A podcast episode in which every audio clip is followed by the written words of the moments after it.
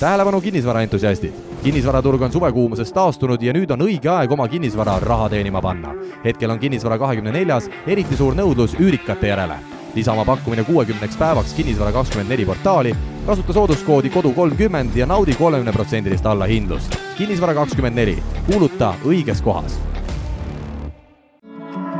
Sirkele Mall on kahekümne aastase kogemusega juhtiv projekteerimisbüroo Eestis, kes teeb projekte arhitektuurist tehnosüsteemideni.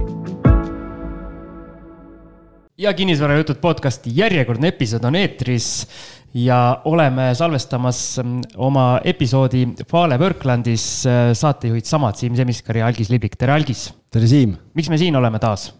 No see on nüüd äh, uus staap ju. uus kodu. jah, et äh, kuna mul ettevõtte kontor on siin Worklandi, Worklandi kontoris äh, alates septembrist ja, ja kuna siin on nii palju ägedaid äh, ruume, kus saab äh, podcast'i mõnusasti salvestada, siis äh,, siis Workland äh, toreda ettevõttena pakkus meile võimalust, et me saame neid ruume kasutada, nii et suur tänu neile ja ja täna siis praegu nüüd siis teine saade läheb järjest ja, ja kes järgmist saadet veel järgmisel nädalal kuulab, siis, siis me, see on ka salvestatud tänasel päeval, nii et, et meil on siin laud on kaetud. Siim on juba pool, pool on ära hävitanud, aga, aga tervitame Cookie Estonia toimekat peret, kes tõi meile väga häid ameerikalikke selliseid küpsiseid, siin on mingid šokolaaditükid on sees ja ja no ülimaitsvad, äh, ülimaitsvad küpsised, nii et. Äh, meie külaline juba vaikselt äh, nii-öelda nillis, aga. ma, ma võtsin enda poole kausi et meil siin esimese salvestusega juba kugistasime pooled ära ja. kusjuures ma avastasin ühe sellise halva omaduse nende küpsiste juures. kui sa ühe väikse ampsu võtad siis enne pidama ei saa, kui kauss on tühi. ja, ja need on nii suured, need küpsised.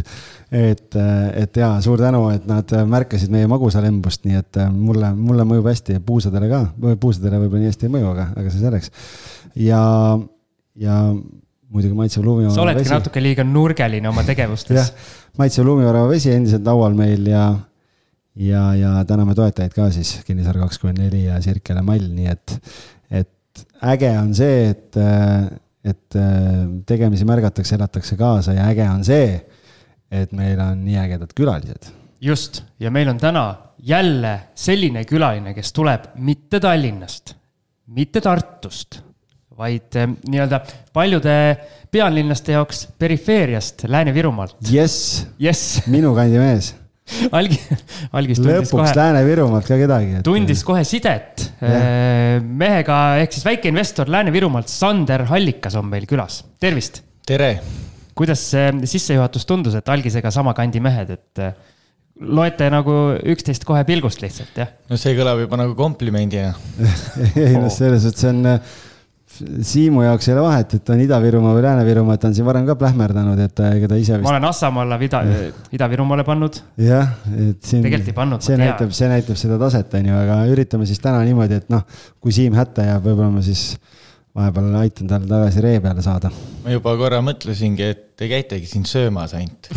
et igast saatest teil on laud niimoodi kaetud, et teistel pool pulmas ka niuhked laud no vot meil on nii äh, toredad toetajad, nii et. me kohati tegelikult luiskame ka saates, et. aga täna ei luiska. täna ei luiska. jah, nii et äh, ja, et sellepärast, äh, kes tahab, kes tahab head vett ja, ja suu magusaks, siis tasub külla tulla. aga Sander, tõmba mikker endale veidi ligemaks, teeme selle asja intiimsemaks, vot nii, ja hakkame pihta, et millega sa igapäevaselt tegeled ma tegelikult ise olen töölt, olen asfalteerija. ohoh, sina teedki neid suuri parkimisplatse igal pool jah, ma olen tegelikult laoturi plaadioperaator siis, ehk siis ma muudan siis seda kõrgust ja laiust sellel asfaldikihil.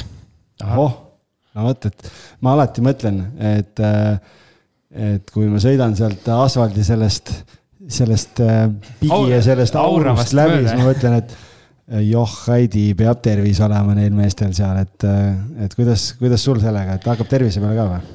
no eks ta ei ole kõige mõnusam töö, eks ole, et üleni diisli ja pigiga kaetud ja sul on õues pluss kolmkümmend, siis all on äh, sada viiskümmend kraadi, sada kakskümmend kraadi on asfalt, et kõnnid selle peal terve päeva. et see on ikka omajagu raske kuumal päeval. aga kuidas see asfaldi panemine on, et mis äh, nii-öelda Eestis see kliima on väga muutuv, et mis ilmaga te saate panna, mis ilmaga ei saa panna? no minu arust reegel näeb ette, et kui maapinna temperatuur on alla nelja kraadi, siis ei tohi panna. ja järelevalve on kogu aeg kõrval, kes siis ütleb, kui vihma sajab liiga palju, siis ka ei tohi panna, kui asfalt jahtub liiga kiiresti. algis tahab asfaldi kohta midagi küsida veel? ei, ma ütlen, et äh, meil on käinud siin projekteerimisega seotud, Indrek äh, käis meil külas äh, nemad tegelevad, tegelevad nagu projekteerimise poolega, aga meil ei ole jah niimoodi, kes, kes nii-öelda reaalselt ellu viiks need asjad, sellist inimest pole käinud. selle kohta ma tegelikult tahtsingi öelda, et öö, miks ma läksin sinna tööle, on see, et meil on nii, et meil on suveperiood ja siis talvel me teenime miinimumpalka ja istume viis kuud kodus et eh, see oligi nagu mõttega mindud sinna tööle, et mul on vaba aega, et tegeleda millegi muuga. ma ei mõelnud, et ma hakkan kinnisvaraga tegelema sel hetkel kohe nagu kindlasti, vaid mul oligi eesmärk, et mul on vaba aeg, et tegeleda millegagi, mida ma saan endale teha. ja siis tekkiski see, et äh, kui ma tööl käisin, tavatööl, siis sa käid pikad päevad tööl ära, nädalavahetusel sa saad puhata. tööpäeva õhtul sa ei saa panka minna, sa ei saa notarisse minna ja siis äh, oli nagu väga keeruline mõelda selle peale üldse, et hakata midagi kõrvalt tegema. oota, ongi niimoodi, et teil on nagu seitse kuud on siis selline hooaeg, kus te möllate ja siis viis kuud on jalad seinal, kes tahab? no see on ja varieeruv, aga noh, miinimumpalgaga, kes need jalad seina peale saab panna, et midagi peab niikuinii tegema, et ära elada või noh, mina ei tea, kuidas need miinimumpalgaga inimesed ära elavad, aga mina ei ela. nõudmised on äkki liiga kõrged võib-olla, sellepärast ma kinnisvara ostangi. noh, tehakse nalja ka, et eh, maal elamine ongi luksus, ei ole lihtne. Aga no üliäge, igal juhul jälle selline täiesti nagu teine valdkond, ütlen, meil on siin ju käinud, ma ei tea, õpetajaid ja ja ma ei tea, siin väga erinevatest eluvaldkondadest. mul on tegelikult üks küsimus veel, meil on äh, olnud, äh, kui me kinnisvarasse tuleme ehituse koha pealt, see, see teema või neid nalju ja asju on räägitud, et äh, kui on ehitusbrigaad objektil, et siis umbes elektrik teeb mingi jama, siis teeb kipsimees jama, siis maaler pärast vaatab ja kirub, et kuidas te, nii-öelda teil on, et kui sina oma selle masinaga tuled ja eelmised kihid on nii-öelda lohakalt ja üle jala tehtud, et kas siis võtab kiruma ka või? oi, see on pidev, pidev kirumine, sest nõuded on nii kõrgeks aetud, et nagu, et kui sa tahad nii, et vesi ära voolaks, siis äh, sul läheb asfaldit liiga palju ja kui asfaldit läheb liiga palju, siis on jälle sinu firmal kulu ja kui asfaldit läheb vähe, siis sa saad trahvi selle eest, et kiht on liiga õhuke. ja siis ongi see, et sa ei saa mitte midagi teha, et nagu ideaalne jääks, et mingi koha peal jääb ikka kellegi jaoks jääb ikka asi vale. et see, kui alus on nagu valesti, siis ongi nagu ajab ropendama küll. aga räägime sellest, et kuidas üldse saab õppida sellist ametit, et äh, kus sa õppisid ja kui kaua see aega võttis ja? ma olen täiesti selles mõttes harimatu, et mul on tegelikult ainult keskharidus ja mul ei ole mingit eriharidust. et ma hakkasingi niimoodi tööle, et ma kõigepealt hakkasin aluseid tegema ja väljakaeveid ja siis ühesõnaga majaehitustel ja siis haljastused ja kõik muu ja siis ma õppisin kõikide nende masinatega tööle. ehk siis need masinad ju suurel määral on samad nii aluste ehitusel kui asfalteerimisel. lihtsalt asfalteerimisel on juures see asfaldilaotaja. ja mingid mõned nipet-näpet äh, töömasinad veel, aga see hakkaski niimoodi pihta, et äh, vaikselt äh, õppisid, noh. et hakkasid pop pop, Bobcatiga või minilaaduriga nii-öelda sõitma ja siis äh, sellega seoses äh, läks, läksingi ma sinna firmasse tööle minilaaduri operaatoriks. ehk siis äh, seda ma oskasin ju teha. ja siis seal õppisin, kuidas asfalteerimine käib ja nüüd ma oskan juba kõiki masinaid asfaltitöös kasutada, et ükskõik, mis masina kätte annad, ma võin tööd teha sellega ütle meie kuulajatele mõni kuulsam tee, mis on sinu laotatud laiali näiteks, Kolgata tee näiteks Jõelähtme tankla juurest see neljarealine, mis mööda läheb. Tartu maanteel Patika viadukti alt läbi läheb. oh, see on ju minu kant mm.. see jääb ju Jüri ja Vaida vahele. jah, see on ka meie tehtud, jah oh,. Siim on sinna vaod sisse sõitnud juba. ei, ma sealt Patikast, sinna ma ei satu et jaa, nüüd on jaa väga nõme juba Eestis ringi liigelda, kuna ma olen seal juba vist kuues hooaeg tööl äkki. et siis äh, ongi see, et ükskõik kuhu sa lähed, siis äh, pead sõitma enda teed, vaata. aga see ei ole siis hea või? no selles mõttes ei ole, et äh, sa vahid seda nagu Aa, et- see, et kas kestab veel või? see töö, tööhaigus tuleb peale, et vaatad, kas äh, kuskil on pragu või midagi, et sa ei saa kuule, aga mul ongi sellega seoses küsimus, et äh, Eestis on nagu need teekatted on nii eriilmelised ja nagu, nagu noh, suvaline näide, uuemad teed, mis nüüd tehakse ülivaikselt, sa sõidad autoga nagu ta, see müra ei tule väga sisse, mitte midagi. ja siis on need pinnatud osad, järsku siis sõidad sinna peale, siis mingi noh, tunned kohe seda suurt vahet nagu, et ähm, kes see otsustab nüüd, et millise kattega see tee sinna tuleb ja, ja kuidas on nii, et siis pool seda Narva maanteed on ühtemoodi ja ülejäänud on teistmoodi või seda või Tartu maanteed, et vahet ei ole, millise tee me võtame. no suured teed on kõik transpordiameti otsustada, mis sinna tuleb, kui paksult või mismoodi nad seda teevad. aga pindamine on lihtsalt see vaese mehe parandus. et kui tee on juba hakkab pragunema, siis pinnatakse ta üle ja siis ta ongi krobeline, sest see ei ole asfalt, see on lihtsalt pigi, millele pannakse killustik peale ja see ongi karedam.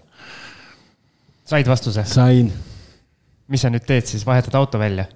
ei no. Kui undama hakkab tee? ei, selles mõttes, et äh, sõidan teist teed. Helikindla auto sõidan teist teed pidi lihtsalt jah. okei okay,, kuule, lähme nüüd kinnisvara juurde, et äh, tuleme esimese asjana tänapäeva, et äh, mis äh, kogemused sul kinnisvaras praeguseks on, mitu üürikorterit port- portfellis ja mitu flippi vöö vahel?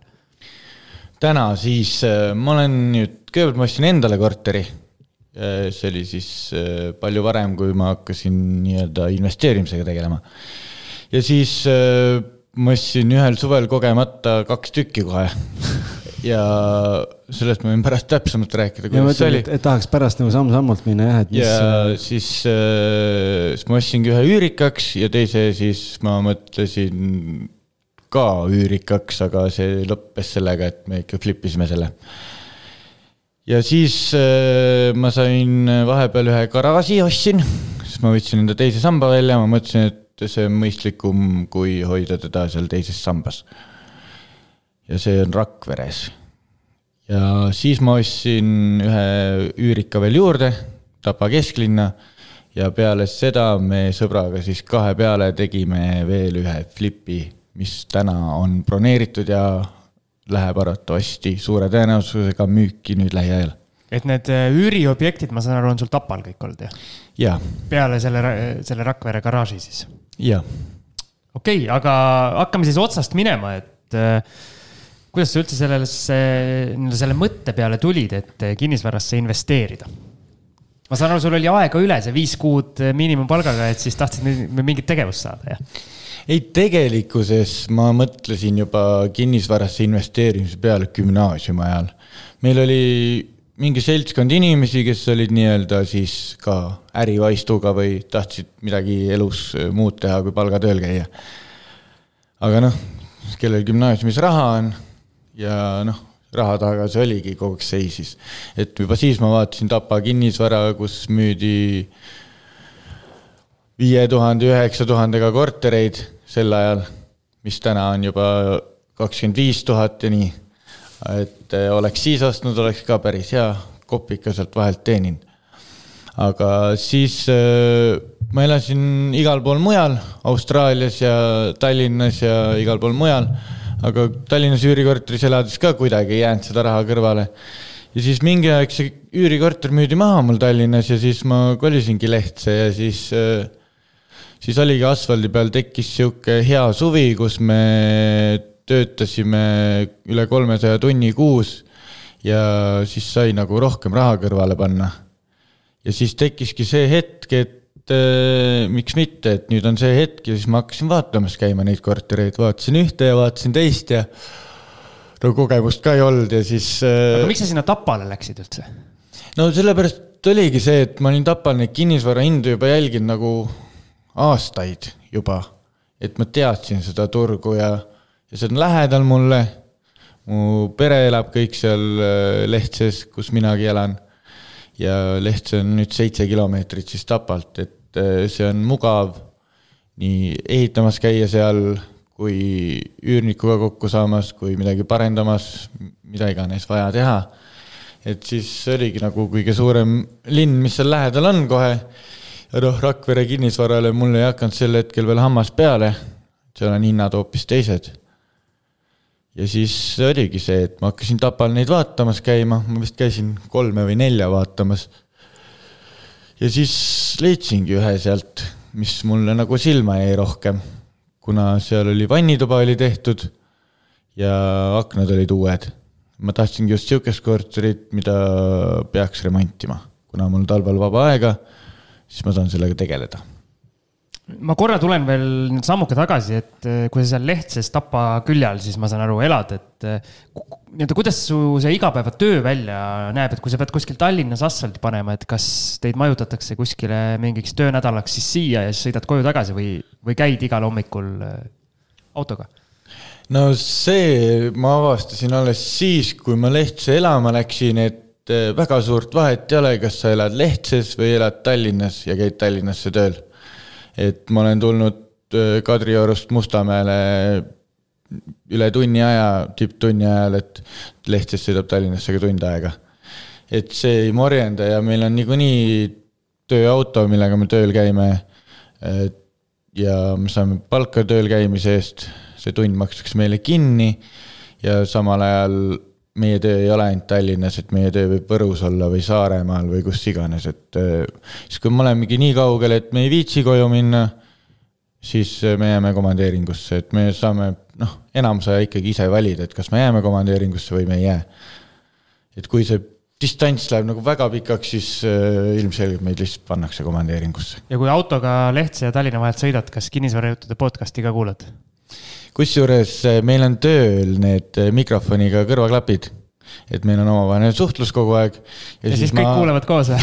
siis ma aeg-ajalt ikkagi panen eh, kinnisvarajutud podcast'i peale, Bluetoothiga kõrvaklapid ja, ja vahepeal ikka kuulan jah. õige. õige vastus väga hea, ei väga äge. Siim, kas sa panid enne tähele, ta ütles, et no me siin ühel suvel tegime siin kolmsada tundi kuus nagu noh, nii muuseas nagu, et see sa on siin nagu, sa siin viipasid mulle midagi. ühe inimese kahe kuu töömaht, et äh, jõhker. mis kell alustate hommikul kuuest, siis kuskil sinna südaööni välja või? no vaata, need töötunnid hakkavadki sõidust ka pihta, et see ei ole ainult töö tegemine, et ma mingi loobiks labidat terve päeva. Vaid pigem see ongi see, et sõidad poolteist tundi tööle, on ju, poolteist tundi koju. siis on see ettevalmistuse värk ja vahepeal sa ootad lihtsalt asfaldit ja see nagu päev läheb pikaks, on ju, tõesti elu ei ole, lähedki koju, magad, lähed tööle tagasi ja siis äh, aga see ongi ju see, et meil on viis kuud vaba, et me teeme selle seitsme kuuga aastatunnid ära. jama on selles, et see kõige kakasem aeg elust äh, või aastast on, on vaba, on ju, et suvel kõige ilusamal ajal on vaja higistada seal sellel ajal, kui Siim perega mööda sõidab ja, ja plääžile läheb. ja kusjuures siis, kui sa kuskil asfaldi paned ja ainult üks, üks ähm, rida neljast on avatud, siis kindlasti vaadatakse teil, teid üsna kriitilise pilguga ja. Signaali ka veel, kui mööda sõidetakse, lükatakse keskmine sõrm püsti, et mida te jokutate mul siin. istuvad ka veel siin ise ootate asfalti kindlasti sellel ajal, et äh, kusjuures pigem on nii, et inimesed väga ei mölise, et väga harv juhus on see, kui ikkagi keegi, keegi möliseb, pigem oleme meie nende peale kurjad. teil on kui pigiämber on kui nad kõrval värske asfaldi peale sõidavad ja märkidest mitte midagi aru ei saa ja No et seda juhtub palju tihemini. algis on oma, oma autoga kogu aeg kuskil kuuma asfaldi sees kinni. ja, jah, jah. okei okay,, kus me jäime selle ma ma kinnisvaraga? ostsin jah valge auto, nüüd on must. on või?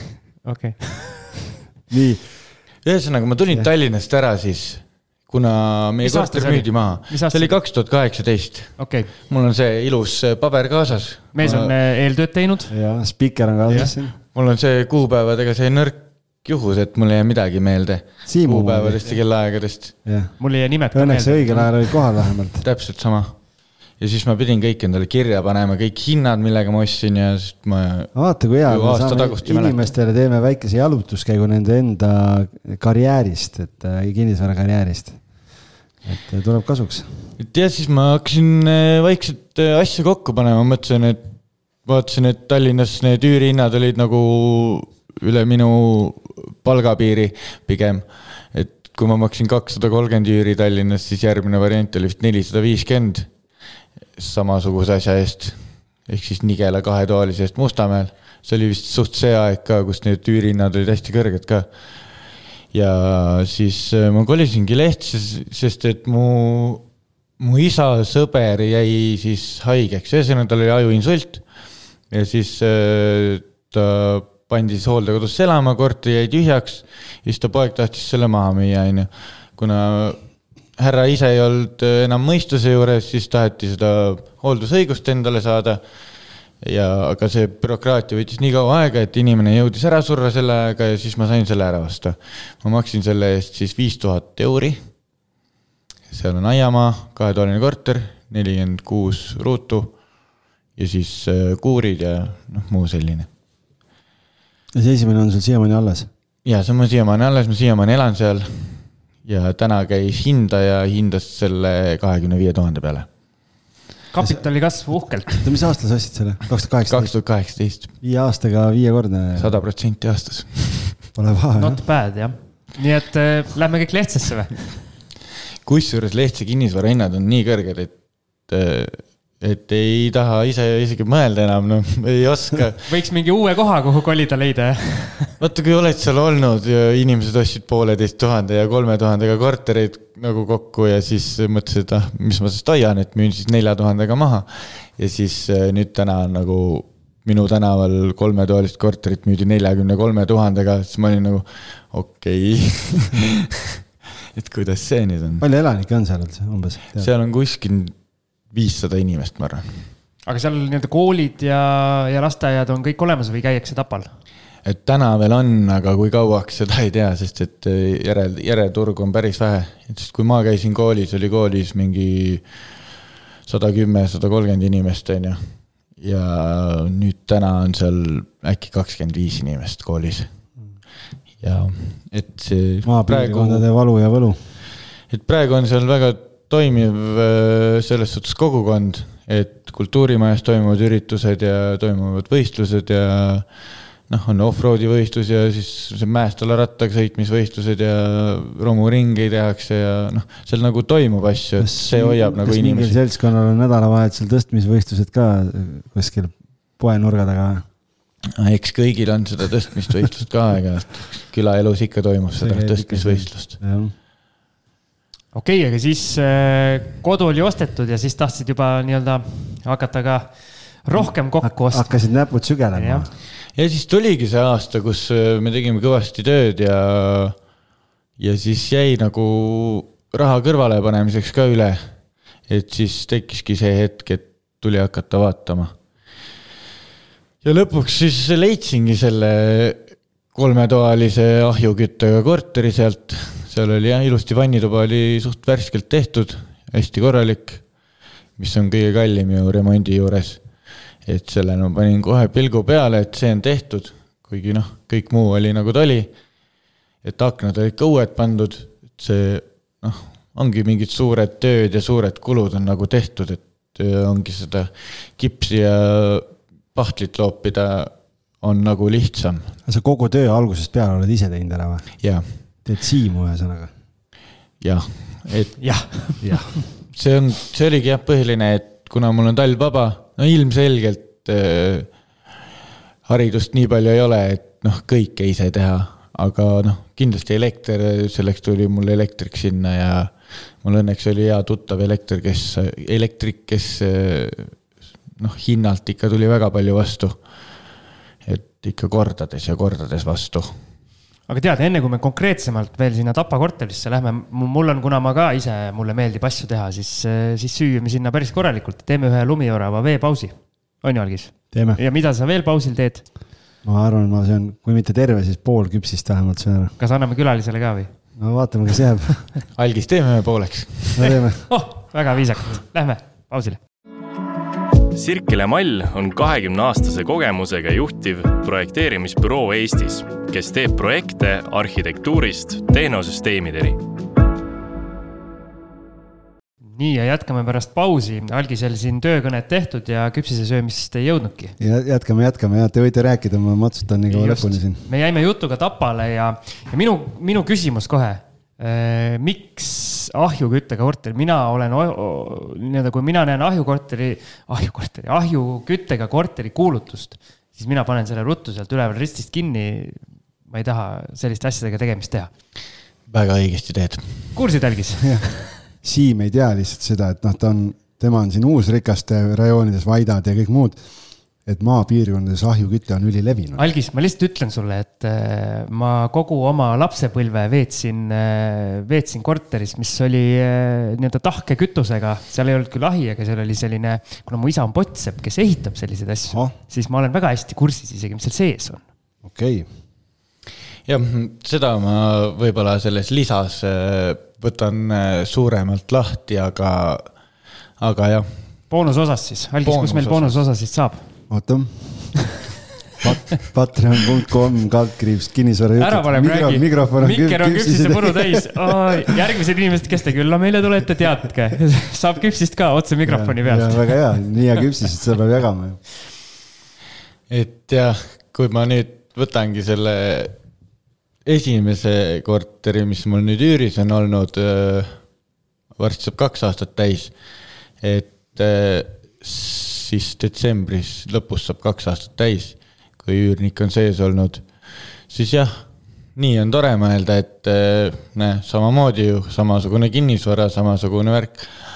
aga see kõik eh, juba ainuüksi puude tuppa toomine toob nii palju sodi tuppa, et eh, nagu alates sealt juba, aga noh, need suuremad probleemid on hoopis kuskil mujal et eriti, kui sa ostad veel vana ahju ja vana pliidiga korteri, et siis. seal on neid no... probleeme nii palju ikkagi, no ma mõtlen ka, et see, üks on see tuleohutuse küsimus, teine on see puude vedamine, nagu sa ütlesid. Äh, puude tellimine ja kõik tellimine. see üürnikule selgeks teha ja kõik ja, see, eks. siis äh, äh, see kolmas probleem on sellega, et lähed pikemaks ajaks kodunt ära, siis on külm, noh, keegi läheb, ma ei tea, paariks-kolmeks nädalaks. eisele mul juhtus on niimoodi olnud emal seal, et allumist naabrit pole, torud lähevad jäässe, siis pole vett, on ju, noh, mingid sada häda, et. Äh. jah, oleks ainult see, aga neid on veel ja lõputult põhjuseid. ehk siis sellepärast oligi, aga noh, täna on ta mul juba nii palju teeninud, et põhimõtteliselt, kui ma selle korteri maha müün, siis ma olen juba nii palju plussis, et, et midagi hullu seal ikkagi ei ole. kuigi jah, sellel majal on veel väga palju vigasid. Äh, et äh, jah. et boonusosa saame täis räägitud, jah? et boonusosa saab kindlasti täis räägitud ja veel peale, ma arvan, et äh, seal on asju. et kui, kui ma täna, mul üürnik ära läheb, siis läheb see korter müüki ka aga kuidas seal Tapal, kui palju on neid keskküttega maju ja kortereid ja kui palju on sellist ahjukütet? No enamik on ikkagi keskküttega majad, seal kesklinnas on äh, rohkem neid ahjuküttega maju, et neid ikka on, aga neid ei ole ekstreemselt palju. et ikkagi need majad ehitati suures osas äh, raudteetööliste ja sõjaväe tarbeks, et äh, Vene ajal. et nad on suhteliselt ikkagi kõik need keskküttega majad, et kui sa võtad noh Lehtsaalevi, siis seal on põhimõtteliselt kõik puuküttega majad, mis on nüüd täna siis õhksoojuspumba või millegi muu peale ümber ehitatud. aga jah see.... mis, mis linn see Tapa praegu on, mis seal toimub? no Tapal on praegu selles mõttes need hinnad ongi üles läinud, et seal see sõjaväe tulek on pannud linna korralikult elama. et ainuüksi seal on ju ma arvan, et mingi viisteist või kümme tuhat või ma ei tea, kui palju neid sõdureid seal läbi käib. et nii ajateenijad kui välissõdurid. et pitsakohti tuli vist neli tükki juurde sellega et selles mõttes, et on nagu töökohti, samal ajal on raudteedepoo seal, laadimisjaam, et on raudtee peal töökohti, et selles mõttes on tekitatud seda tervisekeskus loodi mõned aastad tagasi või mingi selline suurem see asutus veel sinna. et äh, ma olen mingil osas ka silma peal hoidnud ja minul vist mingit juttu ma kuulsin, et tegelikult on ju arvestatud sinna mingi päris suur lisasõjaväelaste brigaad veel juurde tulevikus, et äh, see annab kogu piirkonna arengule veel juurde ilmselt.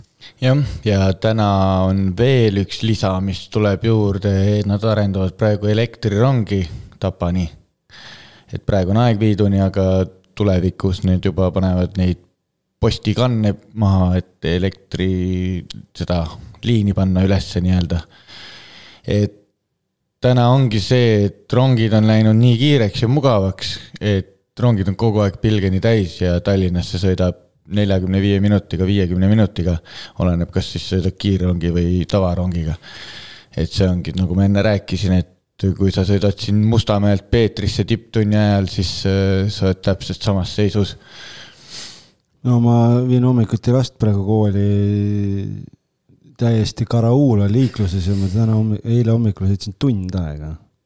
koduõpe, koduõpe on lahenduseks. nojah ja Lehtist sõidab Tallinnaga tund aega. mm -hmm., vaene mees algis. Peab perifeeriasse kolima.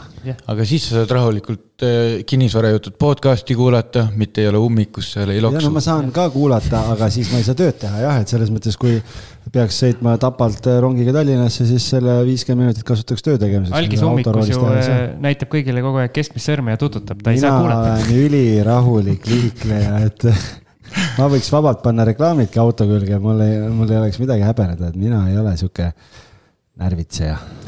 Okei okay,, sa ostsid siis kaks korterit korraga ja sa ütlesid kogemata nii-öelda tulid. no see oligi mis nii, see et kogemata ega mul ju raha ei olnud, siis mul on kaksikvend see on tegelikult. veel eriti hea. raha eriti ei olnud ja mul on kogemata kaks tükki. kaksikvend, vaata, kes äh, oskab, oskab rahaga majandada paremini kui mina. mina investeerin, aga tema kogub hästi, ta on selles osa. sina investeerid ma oskan kulutada hästi, oskan tema kulutada ja. sina paigutad ära selle. No ma ikka endale, ühesõnaga tuli mulle vastu ja andis siis mulle laenu. ja siis, siis meil oli töö juures oligi see asfaldipaus, et äh, ootasime asfaldit ja siis ma vaatasin seda kuulutust, vaatasin netist läinud, aga mul oli number olemas, vaat. siis ma helistasin. kuule, ma ostan ikka ära. siis ma ostsin selle teise ka. Ja siis küsisin kaksikvennalt, et kas sa saad mulle veel laenu teha, siis ta oli nõus ja siis ma viskasingi kõne peale ja siis ostsingi teise ka mis need ostuhinnad Tapal olid? ehk siis selle kolmetoalise, see, mille ma üüri panin, siis äh, oli kakskümmend viis tuhat, kakskümmend üks tuhat viissada ja teine oli viis tuhat euri. teine, kahetoaline. teine oli siis oluliselt peldikum nii-öelda. teine oli täielik peldik, seal ei olnud isegi pesemiskohta üldse, seal ei olnud, seal põhimõtteliselt oligi vesi ja kõik noh, ja selle tegid ka kõik nagu ise korda või? jah. ehk siis see oli muidugi omaette katsumus, et ma ei ole ju siseviimistleja kunagi olnud, eks ma olen ehitanud siin-seal üht-teist. aga noh, ikkagi vaatad Youtube'i videoid ja plaadid seal esimest korda elus ja noh, eks see oli ka omaette katsumus. kaua läheb ühe korteriga?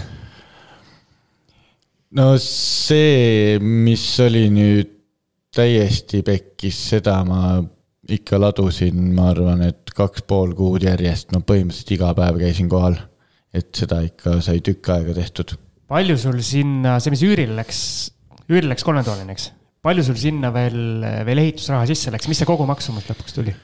see ehitusraha oli kuskil siis kolm tuhat kaheksasada euri äkki oli materjal või, või neli tuhat, no umbes sinnakanti oli materjaliraha siis puhtalt. et ütleme siis suurusjärk kolmkümmend tuhat oli sul korter käes ja läks üürile. No vähem ikka, palju vähem, selles mõttes, et no kakskümmend üheksa tuhat siis, kui oli no kakskümmend viis. kakskümmend üks tuhat viissada oli aa, kakskümmend üks, jaa, mul jäi see kakskümmend viis meelde, et vabandust. eh, põhimõtteliselt ja kakskümmend neli pool tuhat ütleme või kakskümmend neli tuhat, midagi sihukest ja kolme sotiga läks üüri. okei, okei, oota, ma panen kohe kalkulaatorid siin. algis pani endale memo, viisteist, viisteist protsenti või peale isegi. algis pani memo, et liigume Tapale. mis kolm sotti oli üür või? jah, kolm sotti, okei, aga ütleme kakskümmend viis tuhat kirvega, noh. jah, neliteist koma neli, kui on kakskümmend neli tuhat, siis viisteist protsenti, nii et äh, not Great bad. success. jah, jah, me Ja siin räägime kusjuures- viiest ja kuuest ja, ja.. kusjuures mul vedas nagu nii palju sellega, nii elektrilepingutega. ma just, kuna ma ostsin selle ja teise korteri, siis ma tegin kõik elektrilepingud püsiva paketi peale. Ja siis äh, samal ajal oligi see, et elektri hind läks kõrgeks, siis kui ma selle välja üürisin, siis kõik tahtsid ahjuküttega korterit üürida. ja siis ei olnudki, ma üürisin selle ühe päevaga välja reaalselt.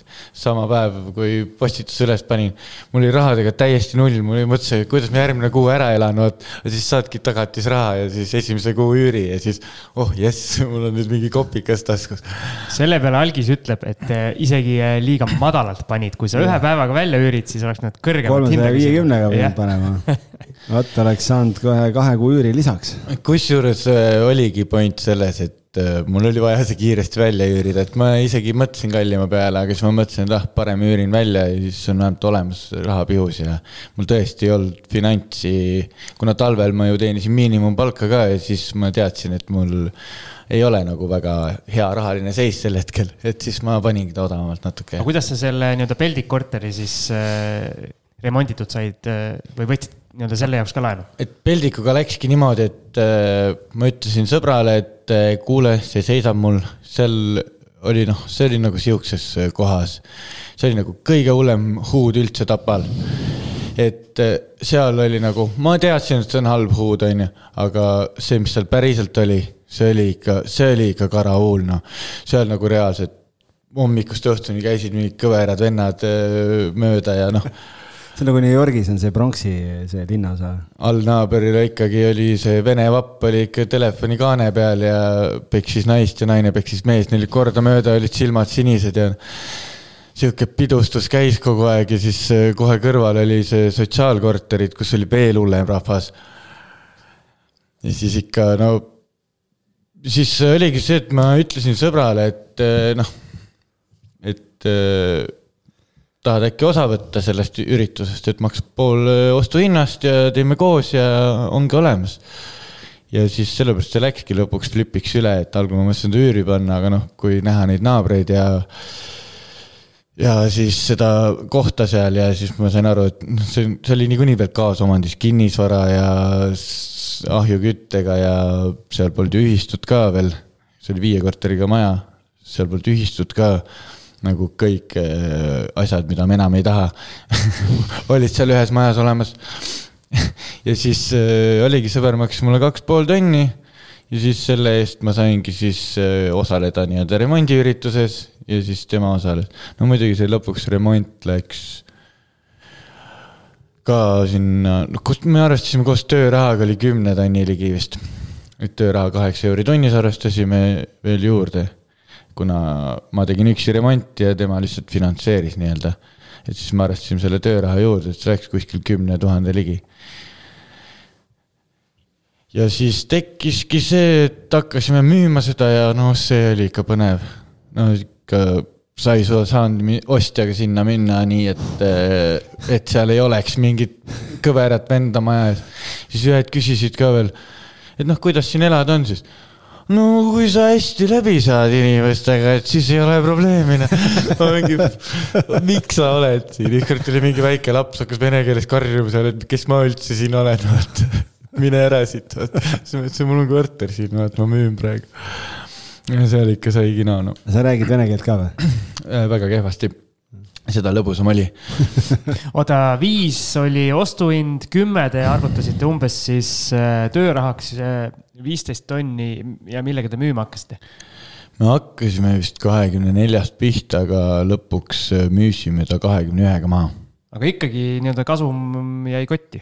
kasum jäi kotti, jah. ehk aga, siis oota. mina ütlen, oota, oota, Algis, enne kui sa midagi ütled, mina ütlen siin ametlikult välja, mida ma alati mõtlen, mida paljud ei usu, kes siit Tallinnast tulevad. põhimõtteliselt ükskõik millist kinnisvara, ükskõik kus kohas on võimalik müüa. on nii? ja ma tahtsin tegelikult sama öelda, et jah, on juhus, kus äh, sa saad kahjumisse jääda, on see juhus, kui sa ostad kinnisvara ja siis sa maksad kommusid nii kaua, et sa oled kahjumis. et su kinnisvara väärtus ei tõuse nii, nii kiirelt, kui su kommud su kasumi ära söövad. kõikidel ülejäänud juhtudel, ükskõik mida sa ostad, on võimalik raha teenida. aga te teete eraisiku alt või ettevõttena? no täna ma hakkan kolima siis nii-öelda ettevõtte poole, on ju, et äh, algul ma ei tulnud selle peale, ise rumal, tegin valesti, on ju. aga nüüd täna mul on siis ka mingi eraisikule ostetud ja siis selle noh, üüritulu läheb ikkagi firmale, et noh, ma ei ole veel käinud notaris ja ümber kirjutanud asju firmale, et garaaž on mul firmal ja siis nüüd see viimane Flipi korter, et see on firmal, aga ülejäänud jah, on nüüd eraisiku peal. mis sa tahtsid veel öelda? Või sa seda tahtsidki algis küsida? jah, seda ma tahtsin küsida, aga ma tahtsin küsida seda ka, et, et, ähm, et noh, et just see eraisiku ja ettevõtte teema, et ma tahtsin sellepärast, et meil eelmine nädal oli Maksuametiga saade et, et kuidas on, et noh, seal on ju kuus tuhat on, on kasumit, et siis sealt läheb veel tulumaks ja asjad ka maha, et, et sellega peab ka nagu no sest mina tegin selle palju paremini, et äh, täitsa seadusepäraselt, kuna see oli mu esimene kinnisvara, siis ma kirjutasin ennast sinna sisse.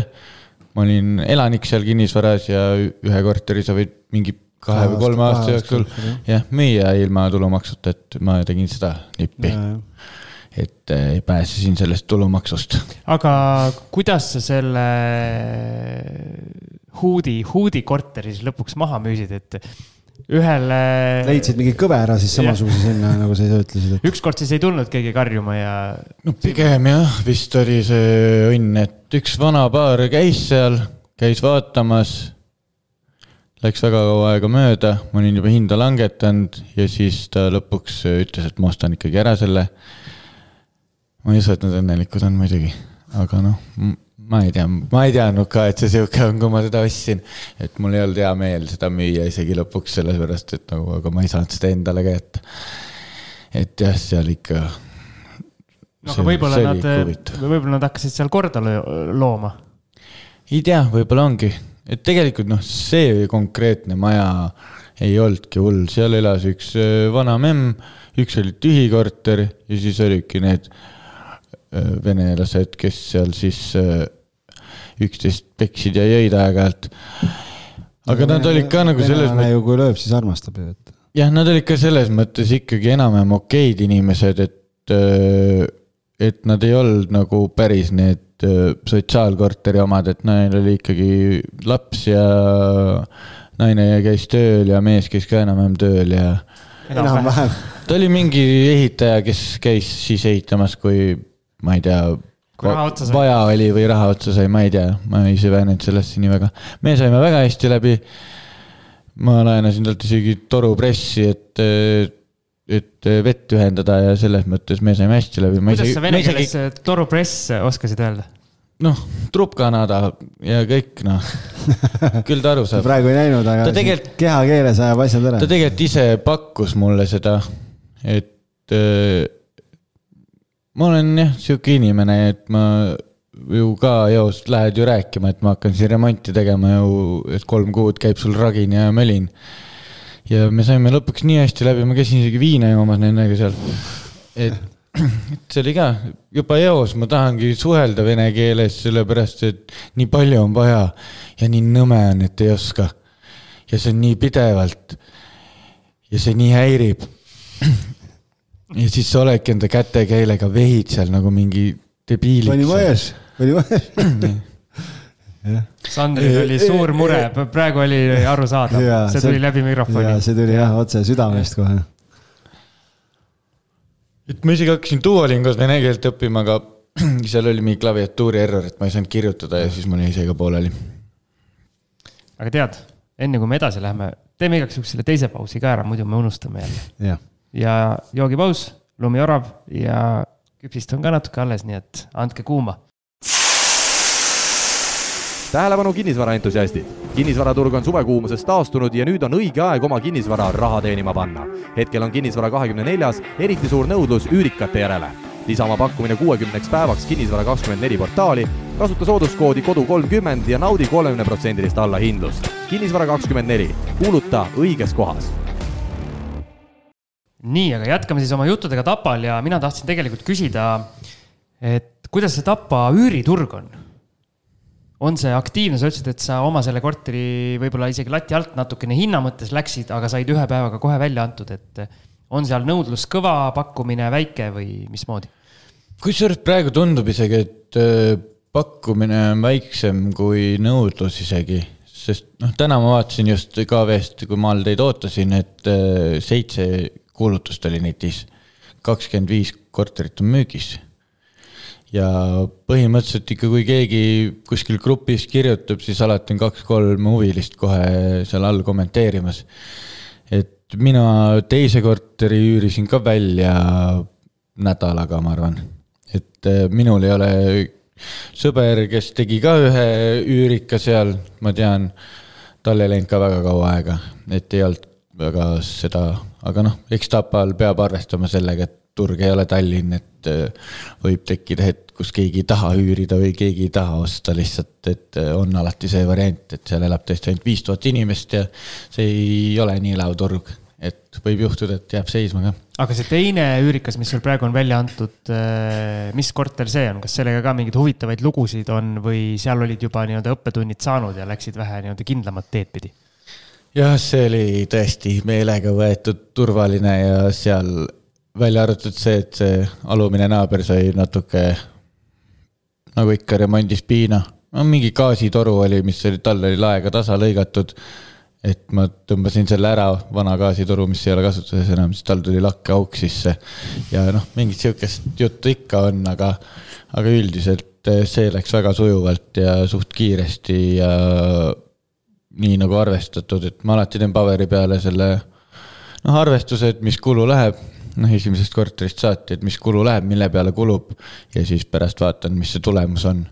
et kõik need korterid on läinud umbes samma auku, muidugi väga palju möödapanekuid erinevate asjadega, aga kogusumma on alati läinud sinna auku, kus ma olen arvestanud.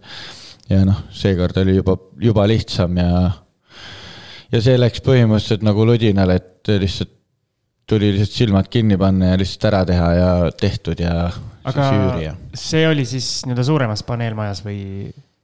ja see on nüüd siis kesklinnas äh, suures paneelmajas. mis see ostuhind ja, ja lõpuks see koguhind tuli ja siis üür ka vaatan kohe paberilt järgi, mul on kõik kirjas. kakskümmend kolm pool tuhat ostsin ja ka kolme sotiga läks üüri ja sinna ma panin siis kaks tuhat kaheksasada euri sisse. ja siis põhimõtteliselt see teeb siis ka kakskümmend viis tuhat kolm sotti üüri. et umbes sinnasamma auku jääb see üüritulu ka, aga, aga... noh, seal on see eelis, et see on ikka kesklinnas paneelmajas ja see. ma ei ole näinudki seda inimest peale seda, kui ma üüri panin.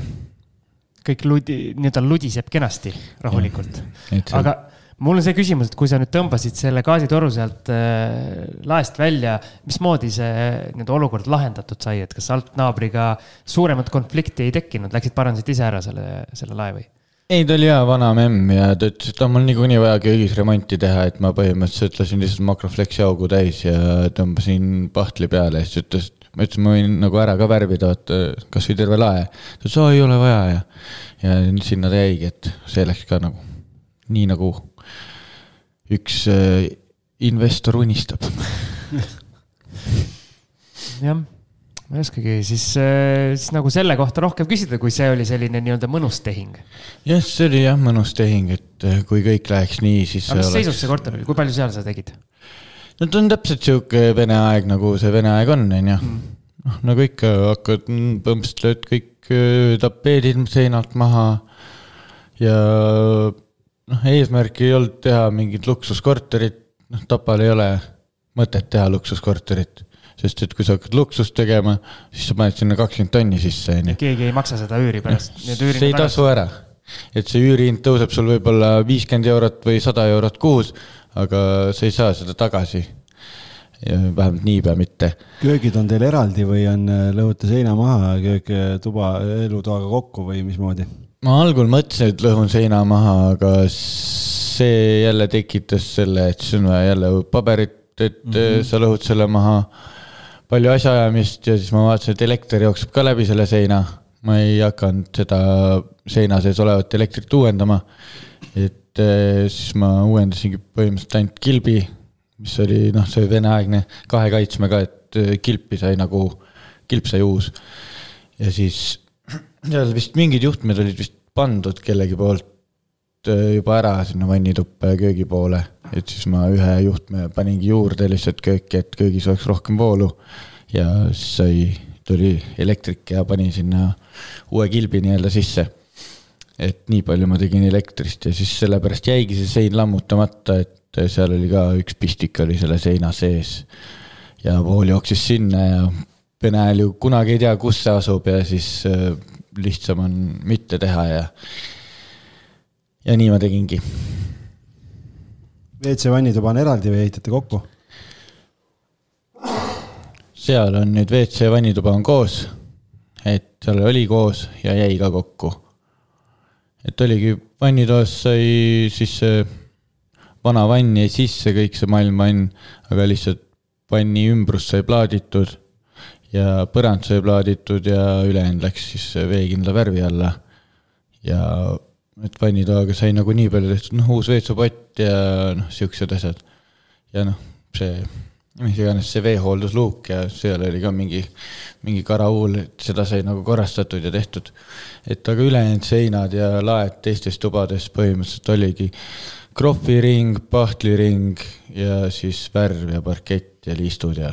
Aga sul see nii-öelda krohvimine, pahteldamine ja plaatimine nüüd on nagu käpas, jah? vihkan siiamaani, vihkan siiamaani pahteldamist ja krohvimist ma ei tea, kuidas need inimesed teevad seda nii hästi ja nii ilusti. eks nad harjutavad ilmselt päris kaua. jah, mul kulub lihtsalt liivapaberit tohututes kogustes, et seda pärast äh, välja lihvida kõike. aga jah, või siis peaks, ma ei tea, kaheksa kihti tõmbama seda peale, et ta lõpuks ilus jääks või noh, ideaalne jääks nii-öelda aga no eks nende vene kõverate seintega on ka, et kui sa hakkad neid seinu sirgeks ajama, sul on augud sees on viiesendised või kümnesendised, siis krohvi kogus on nagu peaks betooniautoga tellima vist et, et saada nad nagu päriselt sirgeks ja kui nad kõverad on, siis on nii võimatu selle suure pahtlilabidaga neid eh, sirgeks ajada. Aga mis köögid te panete sisse?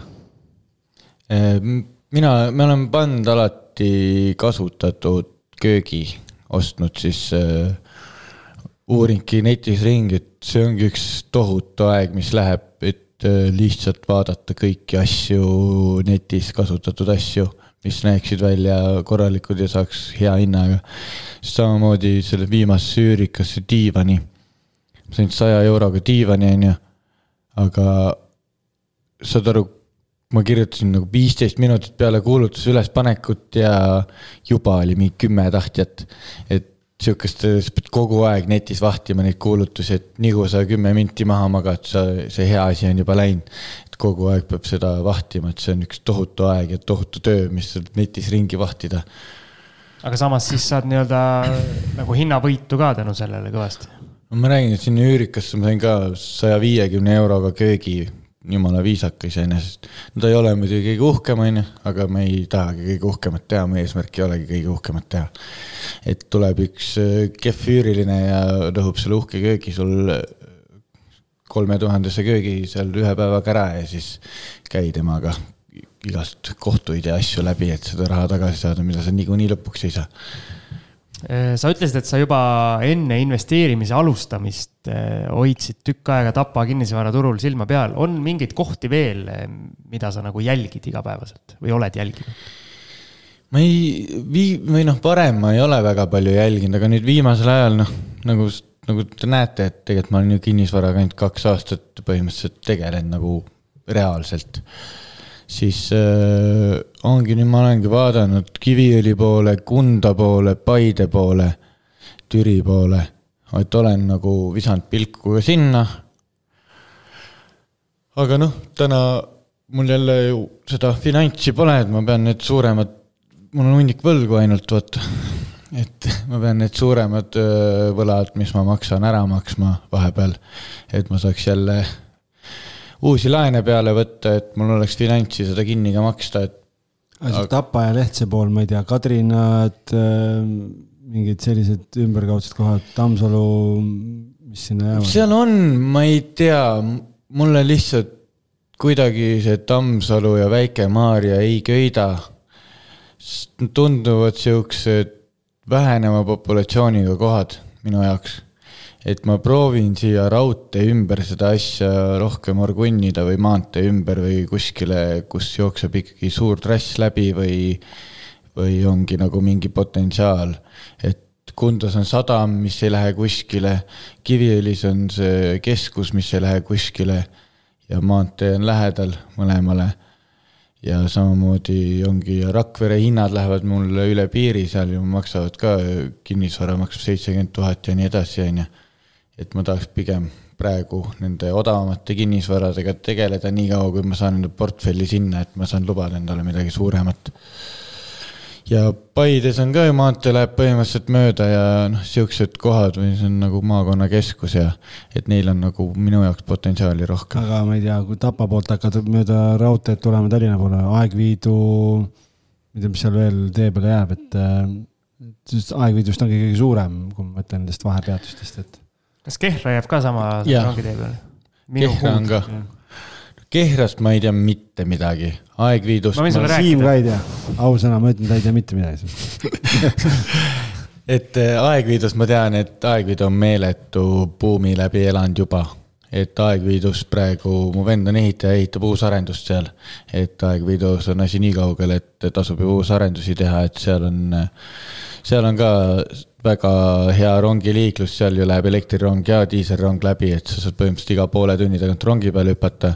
ja samal ajal on sul kõik loodus lähedal ja samal ajal on sul see Kõrvemaa puhkebaas ja noh, selles mõttes just suvila, suvila inimestele või kes tahavad siis looduslähedust, on see ideaalne koht elamiseks küll kusjuures mul tuli siin, siin on hea koht öelda, üks eh, meie saates külas käinud paar ostis Türile endale kortermaja, nii et. Eh, või tähendab üürimaja või tähendab kortermaja, millest tehakse siis üürimaja ilmselt. ma ei ütle, kes need on, eh, ilmselt nad ise võib-olla veel ei taha seda kuulutada, aga mina sain teada. tervitame. tervitame. ja kui valmis on, siis eh, kutsume vaibale. ja, lubati tulla, aga sellega läheb aega. okei okay. vot, nii et möll käib jah, ma usun ka, et äh, minu jaoks ongi need kandid, et ma pigem vaatangi seda, et oleks äh, just kasvav rahvastik või et äh, tal oleks mingi potentsiaal ka kümne aasta pärast või viieteist aasta pärast. et ma ei näe sihukestel kohtadel nagu Tammsalu, Väike-Maarja seda potentsiaali. ma olen küll vaadanud, et oo seal on päris odav tegelikult see kinnisvara, et noh, seal võiks ka ju hüpata hind ülesse. aga see on ikkagi risk, mul on palju kindlam võtta midagi, mis on nagu palju kindlam, et äh, sealt nagu elu ära ei sure, vaat. et kui sa võtadki Kunda, kus on sadam, see ei kao ära, noh, ei lähe ju lihtsalt päevapealt ära, et samamoodi Tapal sõjavägi ei hüppa sealt homme välja, et nüüd on krahh kuigi ma tahan enda mune hakata korvidesse panema eraldi ja just meelega mitte osta Tapale, mitte sellepärast, et tootlus poleks hea, nagu te kuulsite, vaid just sellepärast, et äh, kui öeldaksegi, et davai, et äh, NATO head aega, siis ma arvan, et Tapa kinnisvarale võib see päris hea põntsu panna sul on see Rakvere garaaž ka, sellest me ei ole veel rääkinud, kuidas see portfelli sai juhuse läbi või oli see teadlik valik? see oli tegelikult nii, et seesama sõber, kellega me nüüd seda flippi tegime, ta hakkas ostma Haapsallu lihtsalt garaaže kokku ja mingite naljakate hindadega ja ekstreemse tootlusega ja siis mul lõi kohe pirni põlema, ma hakkasin kohe ka vaatama igal pool üle Eesti neid garaaže. no ta ostiski mingi kahe poole tuhandega ja üüris kuuekümnega välja ja no mingid siuksed äh, tootlused. Ja siis ma hakkasin ka vaatama, et mul pensiraha on, et võtaks pensiraha välja, et kas ma teenin terve elu viiskümmend euri kuus või teenin pensionilisa viiskümmend euri kuus peale kuuekümne kolmandat eluaastat. siis ma mõtlesin, et ma võtan selle välja ja panen selle siis enda pensionit koguma juba täna. ja siis ma leidsin Rakveres ühe garaaži, mis maksis viis tuhat kuussada euri ja viiekümnega ma üürisin ta välja ja toodab mul ikkagi raha, aga garaažil on lihtsalt see suur eelis, et sa ei pea mitte kunagi teda põhimõtteliselt remontima. et äh, need need telliskiviseinad peavad sul veel kakskümmend aastat vastu ja ei juhtu nendega midagi. ja kui ongi vaja midagi teha, võtad selle potsiku värvi, selle saja, sada viiskümmend eurot ja viskad selle seina ja uste peale ja et kui ongi, et katus lekib, siis see on ka see kuus tahvlit plekki, mis sinna kulub, maksab ka kolmkümmend viis euri ja viskad selle sinna peale, et et see tekitaski selle mõtte, et miks ma nende üürikatega jama on käinud seal mingit boilerit panemas neile ja mingi pliiti lappimas ja mingit jura tegemas seal. et siis tekkiski see hetk, et kuule, see on ju täitsa tasuta raha ju. Et siis ma nüüd hoian kogu aeg garaažidel ka ikka üle Eesti silma peal. Garaaži hinnad vist on ka läinud äh, täiesti buumima, et neid sinusuguseid, kes neid garaaže nellivad, on väga palju. kindlasti on palju, aga noh, see ongi see, et sa hoiadki silma peal kogu aeg, et mul sõbral juba tekkis Haapsalus see, et äh, inimesed juba ütlevad ta-, kirjutavad talle, et äh, või helistavad talle, et kuule, mul on ka garaaž müüa, et kas sa ei taha osta et enam ei pandagi netikuulutust, vaid juba võetakse temaga otse üle ühendust ja hinnad on hoopis teised. aga see garaaži väljaüürimine, see läks ka sujuvalt, et äh, huvi on inimestel? jaa, ei, mul on lihtsalt see, et äh, täna üürnik just lahkus. et, äh, et ta oli mul nüüd peaaegu aasta sees ja nüüd ta läks ära. aga jah, see üürimine ei võtnud kaua aega. kust kaudu sa garaažile üldse üürnikku otsid?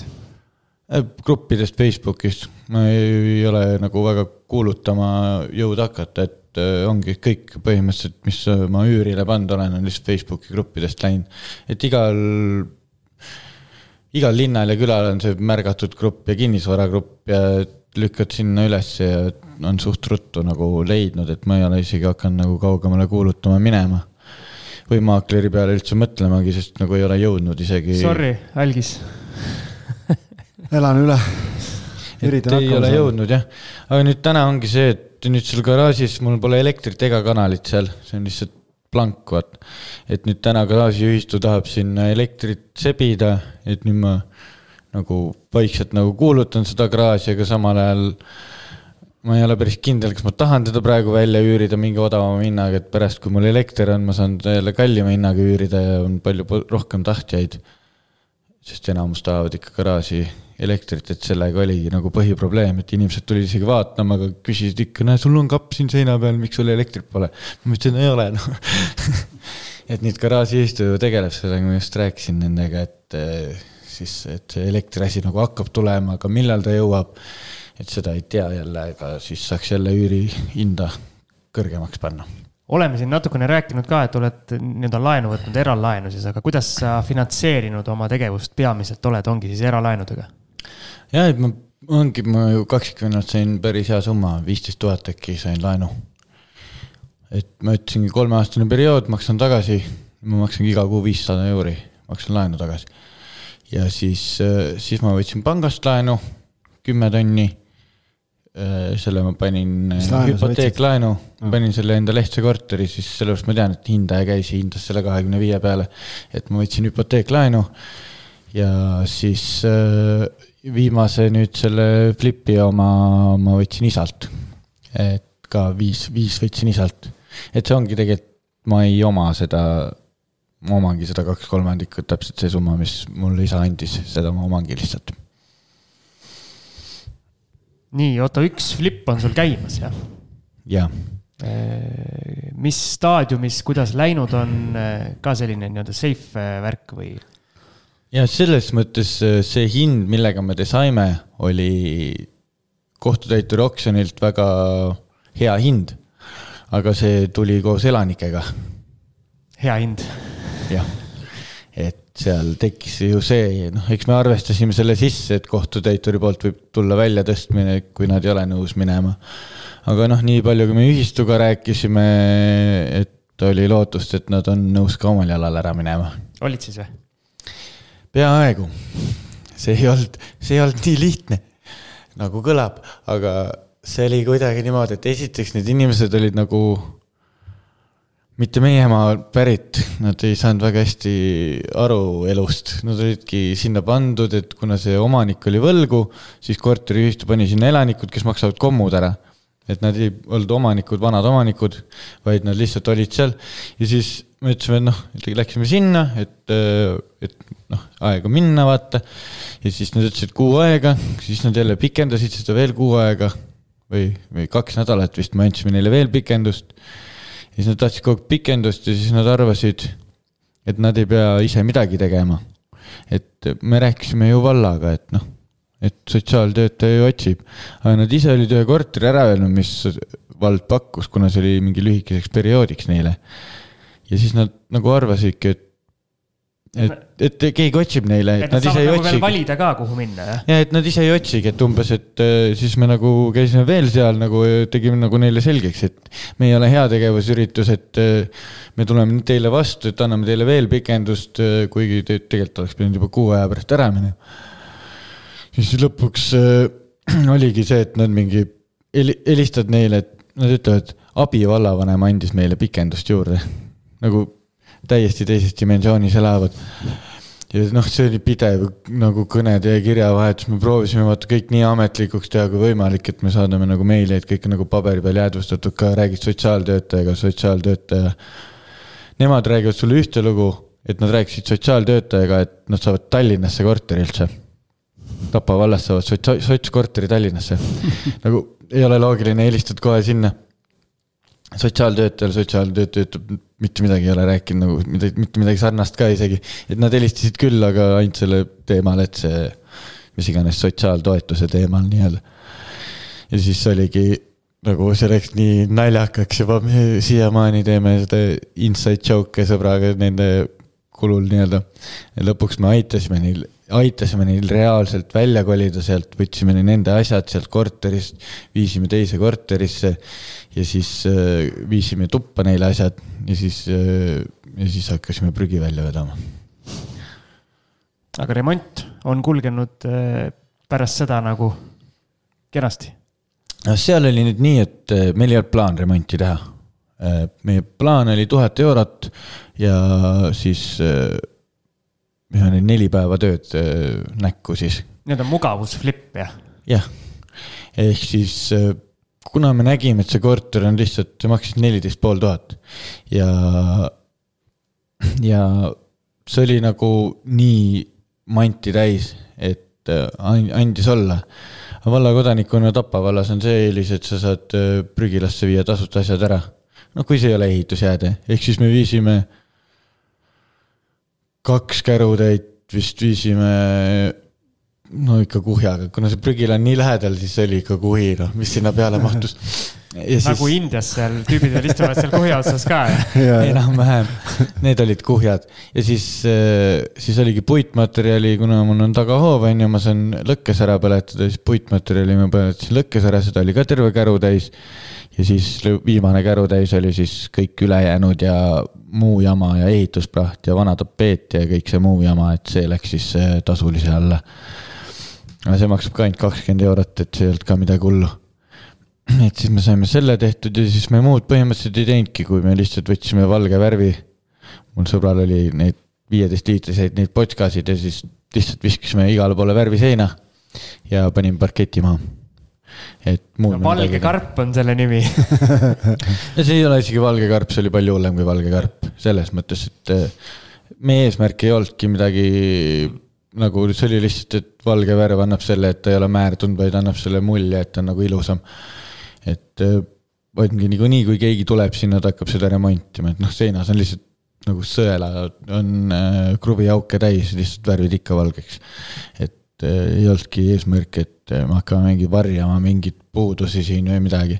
vaid oligi lihtsalt parkett, see odav parkett on lihtsalt kõige odavam viis, kuidas korter näeb välja nagu vau wow,, hoopis teine. et see oli üks eesmärk, mille me võtsime ka plaani põhimõtteliselt äh, me ei olnud kindel selles, et me nii paljugi teeme, aga me otsustasime ikka lõpuks, et ma arvan, et see kulutus tõstab korteri hinda küll nii palju. ja ühte tuppa me lükkasime tapeediga seina, et noh lihtsalt ilusamaks teha. ja on müüdud ka või on müügiprotsess praegu? praegu on nüüd niimoodi, et inimene nõustus ostma, ütles, et pane broneering peale. ma ütlesin, et ma ei pane broneeringut peale, kuna võib-olla ta ütleb, ei saa pangast laenu või mis iganes, vot. ja siis me mõtlesime, et okei okay,, aga siis ta ütles, et okei okay,, mul tuleb juba see hindaja minu sellele korterile, et tema ka ei taha noh, ilma broneeringuta hakata enda seda kinnisvara hindama siis, et laenu saada. siis ma ütlesingi, et teeme broneeringutasu ja tegime lepingu, maksis broneeringutasu ära. Et nüüd eile käis tal siis hindaja, nädala jooksul siis saab vastuse ja siis äh, saab pangalt vastuse ja siis läheb müügitehinguks alles kui, kui varmad need pangad on laenu andma sellistes väikestes piirkondades, et, et võetakse jutule? no minu puhul oli küll noh, see kümme tuhat ei ole ju mingi summa laenu saada, et ma noh, eriti kui ta on tagatisega laen, et samamoodi on ju neil, nad hindavad enda kinnisvara. et pangal on ju tagatis olemas, et sellel puhul, kui sa ost-, ostetava kinnisvara paned tagatiseks, siis tekib see, et pank omab seda, aga sa ei ole seda kinni maksnud veel. aga kui sa oma välja ostetud kinnisvara paned tagatiseks, siis ei ole ju pangal mitte midagi kaotada. et ja noh, see laenusumma ei ole ka müstiline nendes väikestes kohtades, et, et laenu mitte saada palju te sealt siis vahelt loodate saada või saad sa meile kokku lepitud ostuhinna ka ära öelda või? ja meil on nüüd kokku lepitud ostuhinna kakskümmend neli pool tuhat ja neljateist poole tuhandega ostsime. ja noh, oligi, me arvestasime nüüd kuludeks, meil läkski tuhat, noh, umbes nii, no pluss tööraha sinna-tänna, et me panime enda kasumiaruandluse paika, sest mul on tegelikult ainult kolmandik sellest, et mul ei ole isegi poolt ja selles mõttes ikkagi üheksa tuhat kahe peale ja tööd ju põhimõtteliselt ei teinudki, et paar päeva, kolm päeva sõbraga tegime tööd, õhtul tegime õlut ja. ja kuhja otsas äh, sõitmist ka mingid sada meetrit, ma saan aru, sinna jäätmejaama mm. -hmm. et oluliselt jah, tööd ei pidanud tegema selle nimel. selles mõttes on ainult positiivne flip, et, et üle ootuste hästi läks aga on selliseid variante äh, nii-öelda piisavalt saada seal sinu kandis või ikkagi need on sellised üksikud, kui peale satud, siis õnnestud? no sihukest varianti ikka peab otsima, et ei ole niimoodi, et lähed KV-sse ja ostad korteri, et äh, ikka peab kogu aeg silma peal hoidma ja ikkagi ära tabama, mis on see kus sa need kõige paremad diilid saanud oled endale, et otse kuskilt äh...? see viimane oli oksjonilt, ma saan aru, jah? viimase sai kohtutäituri oksjonilt, jah. aga muidu ühe ma ostsin Facebookist. ühe ma ostsin üldse mingit naljakalt kinnisvaralehelt, ma ei mäleta, mingit väiksema, väiksemat, ei kinnisvaraleht ikkagi, ma ei mäleta, kas see on City kakskümmend neli või Kinnisvara kakskümmend neli või mingi sihuke väiksem, ühesõnaga mitte KV. ja siis selle ühe ma ostsin KV-st garaaži ostsin Facebookist, et igalt poolt on tulnud neid. mina tahtsin veel seda küsida, et sa oled, kui me päris jutu algusesse tagasi tulime, sa oled olnud selle nii-öelda rindejoone teisel poolel ka, et oled üürnik olnud. kas sul sellest ajast on mingeid huvitavaid seikasid ka või sa sattusid nii-öelda positiivse ja hea üürileandja peale? no üldised kogemused on mul ikkagi olnud positiivsed, ma olen paaris kohas nagu oldüüriline ja noh, üldiselt on, aga seal Mustamäel, kui ma elasin, ma elasin seal Solnokis, siis oli see, et. Solnokis või? ma olen ka Solnokis elanud, see oli mu esimene kodu Tallinnas. kuule, Lääne-Virumaa mehed, Solnoki mehed. no vot, kokku sattunud siinsamas Vilde tee üheksakümmend kaheksa oli see maja. kas sa pidid ka narkareid äh, akna tagant ära ajama? ei, mul narkareid akna tagant ei olnud, aga ma olin. Äh, ta oli vist kõrgemal kuskil äh, esimene korras või? hommikul äh, vaatasin, kuidas mehed olid järjekorras seal äh, kioski putka juures ja, ja sidruni ja maasikamaitselist lõhnavett palusid, sidruni maitselist lõhnavett, mitte sidrunilõhnalist kusjuures selle pudeli peal on kirjas ka sidrunimaitseline lõhnavesi okay.. sest et mulle kunagi sünnipäevaks kingiti see pudel ja siis lihtsalt nalja pärast ja siis ma lugesin, seal oligi pealkirjas sidrunimaitseline. ei no nad teavad, mille jaoks äh, ja, nad asja ja. teevad. aga jah, seal Mustamäel oli see, et see üürileandja lihtsalt lendas tuppa või nagu tundis ennast liiga kodus. et äh, oligi tuli vanni või? et, et ta oli juba ära käinud umbes, siis me saime teada, et oota, keegi on käinud vahepeal okay.. et äh, ei olnud jah, seda nagu teatamise värki ja seda oli nagu natuke puudu. et ta äh, arvas terve aja, et nagu see on tema kodu, et kui ta üürib välja. päris õudne ikka. et seda juhtus, et see on nagu, aga muidu ei ole mul. praegu tuli flashback sellest korterist, kus ma elasin, seal oli tõesti nii muigama. meil oli väiksemas või noh, magamistoas oli suur tiibklaver see võttis pool tuba ära, keegi sellega muidugi ei mänginud. ja siis ma magasin sellises voodis, kus vedru oli niisugune, vaata sihuke pikk ümmargune vedru oli nagu jalgade juurest. Oli voodist väljas niimoodi, et noh, et siis äh.... ma võin ka ühe väga hea loo rääkida, mis seal, siis kui see korteri müüki läks, siis me teadsime, et see läheb täiskappremonti ja siis me tegime meelega nii, et me tegime gaasipliidist, tegime ahjukerise ja tegime köögis sauna ja siis, siis see, see, meil oli see veneaegne see laud, vaata, mis laiaks lahti käib, sinna läks peerpong, külmkappi tõstsime elutuppa ja siis tegime mingi normaalse peo seal, sellepärast me teadsime, et see läheb niikuinii kappremont, et nagu midagi pole kaotada, et meil ei tehta noh, selles mõttes midagi halba, et. panite siis mingi suure kastri gaasipliidi peale ja kütsite vett peale me panime munakivid, panime praeahju, loopisime leili sinna ja reaalselt kütsime mingi kuuskümmend kraadi sinna kööki sisse. kasevihad, kõik asjad. kõik üüriinvestorid, nüüd kuulake, mis te, mis teie korterites toimub, et äh.... see oli ainult sellepärast, et, äh, et me teadsime, et see läheb kappremonti ja. saun Mustamäel nüüd, veel üks ajaks meil. nüüd loed üürnikele sõnu peale, kui sisse kolivad. saunaidee köögis saunaidee köögis. mul õnneks ei ole gaasipliidiga ühtegi, et tavalise elektripliidiga just ei küta väga soojaks aga ma tahtsin, Algis, sinule väikese küsimuse, et mulle tundub, et sa siin äh, mingil hetkel ei olnud väga nõudlik oma elamistingimuste osas. mina olen lihtne maamees. suvase üks vedru ja suvase tiibklaver või? kellel süües kasvab isu. ahah, no vot yeah.. Aga Sander, hakkame minema sinna päris äh, viimaste küsimuste juurde, mis meil need legendaarsed küsimused on. Äh, copyright on vist Algise oma või, on või? Ehm, võib-olla, aga ma luban sulle esitada. okei okay., kui sa peaksid äh, võtma kogu oma senise tegevuse mõne lausega kokku, siis mis need peamised õppetunnid on, mida sa meie kuulajatele ütleksid? peamised õppetunnid, ma arvan, et peamised õppetunnid on ikkagi need, et see, kes ei tee, ei saa niikuinii midagi. ja teine asi on see, et ära osta ahjuküttega majja maja võid osta, kui sa tahad maja, kui sa tahad maja flip ida nagu või maja teha, siis sa võid osta, aga korterit ära küll osta. sauna Mustamäel teha on okei okay.? ei, sauna ei ole Mustamäel okei okay teha aga me okay. kõik oleme noored olnud algis ei ole kui meie kuulajate hulgas on inimesi, kellele kinnisvarasse investeerimine huvi pakub, aga ta ei ole esimest äh, sammu julgenud veel teha, siis mis su soovitus on, et kuidas ikkagi see, sellest nii-öelda künkast üle saada?